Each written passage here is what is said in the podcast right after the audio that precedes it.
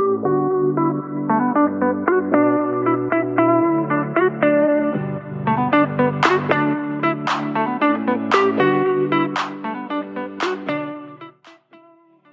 bent ondernemer en ja, je leeft eigenlijk van je klanten. Zo kun je dat ook zien. Want jouw klanten betalen jou en dat is gewoon het brood op de plank. Maar dat betekent niet dat je zomaar met alle klanten hoeft samen te werken. Of dat je maar tegen iedereen ja moet zeggen. Het is niet zo dat jij de enige bent die zich te bewijzen hebt naar bijvoorbeeld een potentiële klant.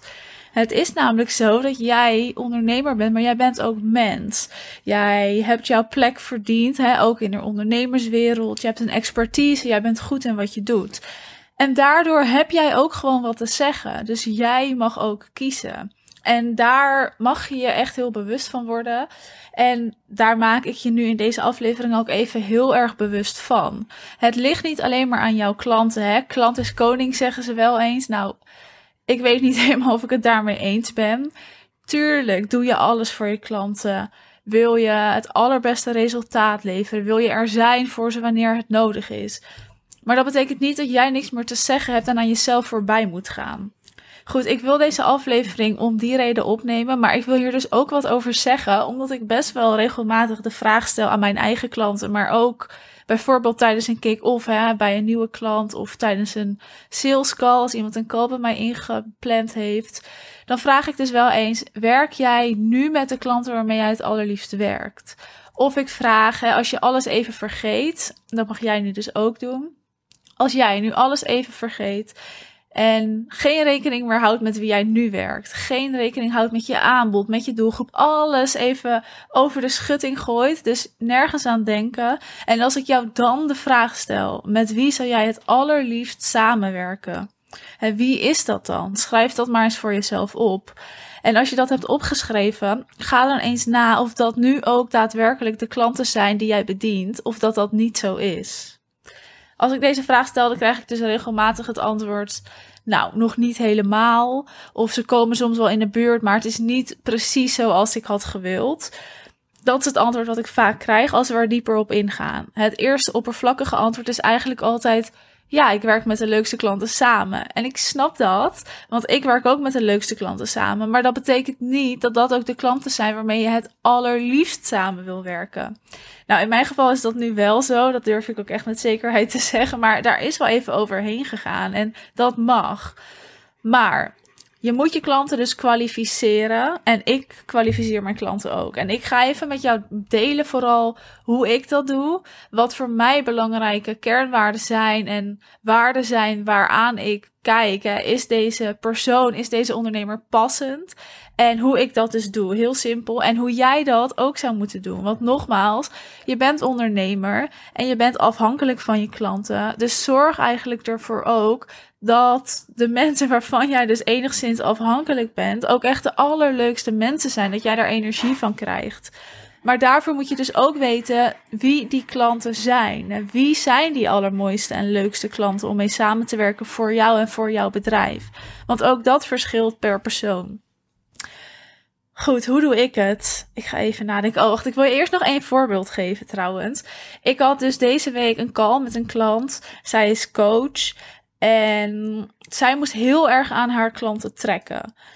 Dus ze moest heel erg achter hun aan zitten. Ze hadden, hè, haar klanten hebben nog best wel wat onzekerheden of twijfels. Of die nemen dan geen actiestappen, ondanks de afspraken die ze maken. En ondanks dat zij echt achter hun aangaat. En we gingen er dus even nou, over kletsen. Het was eigenlijk een heel kort gesprek maar daarover. Maar we kwamen er ook al heel snel op uit dat dat echt lag dus aan de mensen met wie zij nu werkt. En dat die doelgroep niet de doelgroep is die zij eigenlijk wil bedienen. Dus dat is ook waar onze focus nu eerst op ligt. Wie wil je dan bedienen? Dat we dat duidelijk hebben. En ik doe het ook altijd stap voor stap met mijn klanten. Dus ik ga niet, als wij de doelgroep nog niet eens helder hebben, ook al je hele aanbod en je hele salesstrategie bepalen. Nee, we gaan dan eerst je doelgroep formuleren en helder maken. Zodat daar dus die helderheid in ontstaat. En dan gaan we verder. Dus dat is nu wat we bij haar aan het doen zijn. En zij is een goede ondernemer. Zij draait al omzetten waar veel ondernemers van dromen. Hè, zij zit vaak rond de 10k maanden. Dus het is niet dat zij startend is, helemaal niet zelfs. Dus zo zie je ook dat elke ondernemer in elke fase hier wel weer tegenaan loopt en dat je altijd terug mag naar wie is mijn beste klant en voor wie werk ik het liefst of met wie werk ik het liefst. Dus niet als je startend bent, maar juist ook als je gevorderd bent en in bepaalde fases terechtkomt, is het goed om daar weer even naar terug te gaan. Maar goed, hoe kwalificeer ik mijn klanten? Dat begint al als iemand een call bij mij inplant. Als iemand een call inplant, dan ontvangt diegene natuurlijk een vragenlijst. Dat lijkt me logisch. Ik ga ervan uit dat jij dit ook al doet. Hè? Je bent ondernemer, je bent al een tijd bezig. Je weet echt wel hoe dat werkt. In die vragenlijst heb ik strategisch wat vragen gezet, zodat ik echt een inzicht krijg in die persoon, maar ook in het bedrijf. Dus ook wat hun omzet is, wat ze al hebben geprobeerd, waar ze staan, waar ze naartoe willen. Vanuit die vragenlijst bekijk ik, is dit passend of niet? En als ik denk, ik heb mijn twijfels, dan gaan wij dus die ondernemer even kort bellen. En dat is geen gesprek van een half uur, vijf tot tien minuutjes aan de telefoon. Een hele kleine moeite, maar we doen dat zodat we weten, als ik straks in die call zit met die persoon, dat ik ook zeker weet dat die persoon geschikt is voor zover we dan kunnen weten natuurlijk. Dus ik vind het zonde om een hele sales call te voeren met iemand die eigenlijk niet geschikt is. Dus zie ik vanuit de vragenlijst al, hey, jij staat nog niet waar je moet staan voordat ik met je kan samenwerken. Dan geef ik dat terug en dan annuleren we de call. Gewoon zodat ik mijn tijd niet daaraan verspil, maar ook de tijd van de ander niet. Het tijd is waardevol, misschien wel het meest waardevolle, volste bezit. Een klant van mij zei laatst, het is hetgene wat je maar één keer kan uitgeven. Hè? Geld kan je continu uitgeven, maar tijd niet. Dat, dat vergaat gewoon. Dus het is zonde om dan bijvoorbeeld zo'n call te voeren. Terwijl ik van tevoren al voel, dit wordt hem niet. Nou, als we dan zeggen, we gaan hiermee in gesprek. Dan is het natuurlijk tijdens de call, waarin ook ik ga aanvoelen, past dit en is dit een match? Dus dat proces, hè, dat kwalificatieproces, dat gaat nog door tijdens de sales call. En tijdens de sales call is het aan mij en aan de ander om te ervaren: is er een klik, is er een match? Waar ik naar kijk bij de ander is als eerste echt waar staat iemand en waar wil iemand naartoe. Dus ik kijk echt ook wel naar een stukje ambitie. En wat wil je gaan aanbieden? Durf je een hogere doelgroep te gaan bedienen? Durf je prijzen te gaan vragen die misschien nu nog een beetje uit je comfortzone liggen? Durf je stappen te zetten die je spannend vindt? En als ik merk dat iemand dan heel erg op de rem trapt, ja, dan weet ik ook dat het misschien nog niet de juiste tijd is en nog niet het juiste moment is. Daarnaast kijk ik naar een stukje volwassenheid. Ik heb hier al een keer een podcast over opgenomen. Die heet iets met emotionele volwassenheid. Super interessant, dus zeker even luisteren. Maar wat ik ook bedoel met volwassenheid is dat de ondernemersreis gewoon echt een rollercoaster is. En als je ook een programma instapt, dan komen er gewoon tegenslagen. Zo simpel is het. En er gaan dingen zijn die je nou niet van tevoren kan weten en waar je ook niet rekening mee kan houden eigenlijk. Hè, ook al had je het wel geweten. En ja, dat is emotioneel gezien ook wel eens zwaar. Hè? Dus je kan er wel eens doorheen zitten. Maar dan is het voor mij belangrijk. Gaat iemand bij de pakken neerzitten? Gaat iemand heel veel klagen? Trapt iemand dan meteen op de rem? Of kan iemand daarboven staan en kan iemand het relativeren en er met een open blik en een soort helikopterview naar kijken? En kunnen we dan alsnog wel stappen zetten, ondanks dat er tegenslagen zijn? Dat betekent niet dat als er een tegenslag is, je dat niet mag voelen en mag ervaren, want dat is wat heel anders.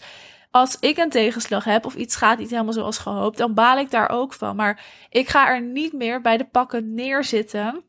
En ik ga wel door en bedenk ook, oké, hoe een volgende keer beter. En dat soort klanten wil ik ook aantrekken. En dat soort klanten zijn de klanten waarmee ik wil samenwerken. Want die, ja, met hen kan ik de beste, mooiste stappen zetten.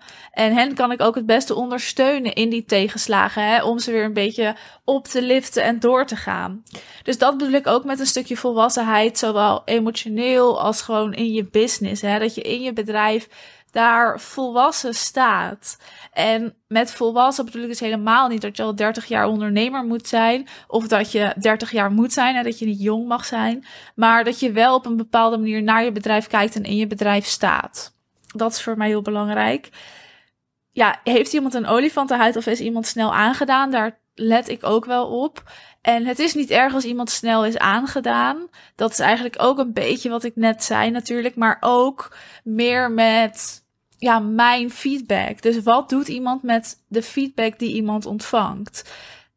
Heb jij daar een olifantenhuid voor? Wat ik ook niet helemaal gezond vind natuurlijk.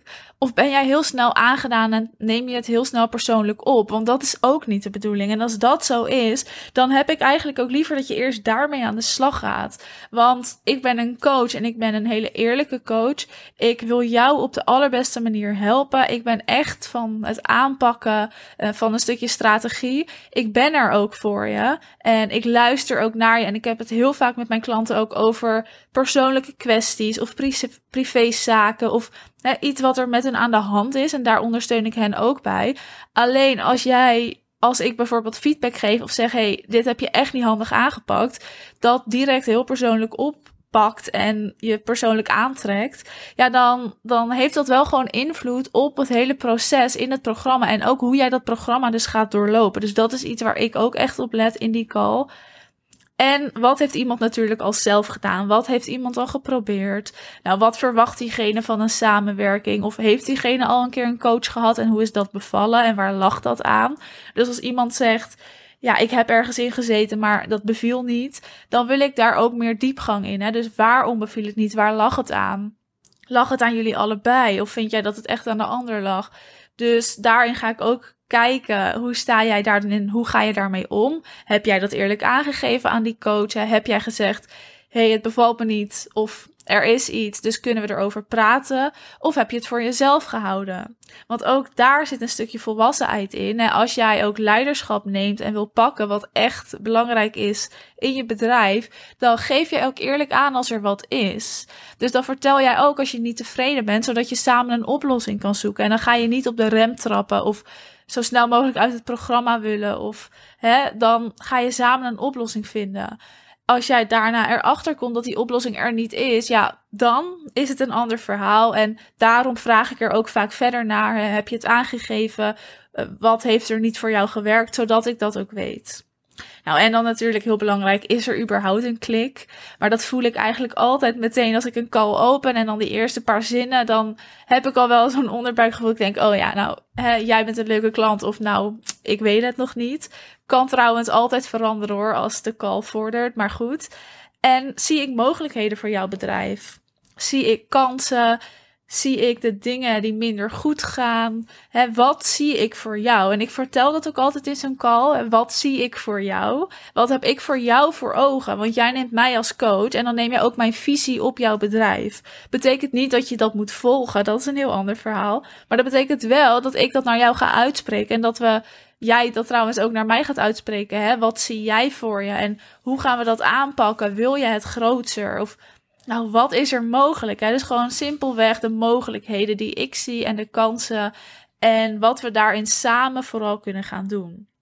En vanuit daar kan ik ja of nee zeggen en kan de ander ook ja of nee zeggen. En zo ga ik altijd een call in. Dat ik ja of nee moet zeggen en de ander ook. Dus het is echt een wederzijdse kennismaking. En tuurlijk wel op een andere manier en op een ander level. De insteek is heel anders. De, de ander die tegenover mij zit, die moet weten wat ik voor diegene kan betekenen.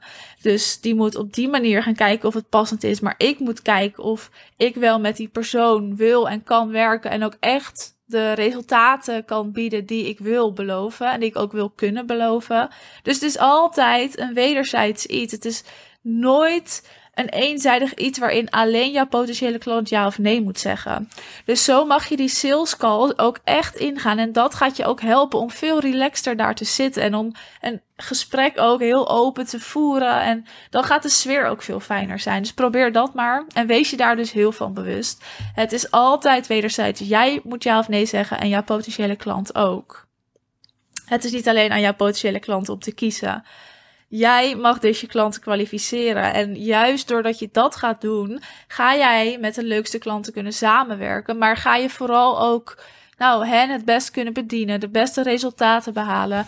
En je zal zien dat als jij met een beperkte groep werkt, die echt helemaal passend is, dat je daarmee ook meer mensen zoals die groep gaat aantrekken. Dus werk jij met klanten die allemaal eigenlijk niet passend zijn of net niet passend zijn, dan ga jij nog meer van dat soort klanten aantrekken. Dus wees je ook daarvan bewust. Hè?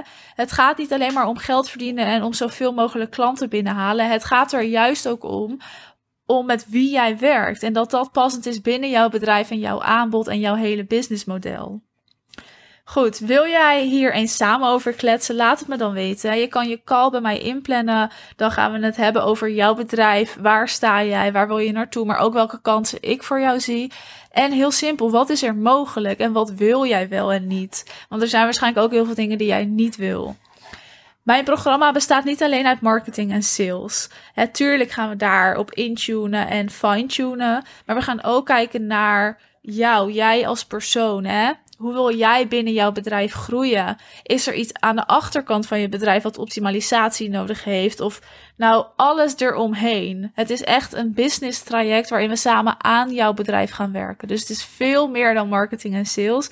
En wil je dat ook weten of daar meer over horen, dan kun je ook je call bij mij inplannen. En de link daarvan staat in de beschrijving van deze aflevering.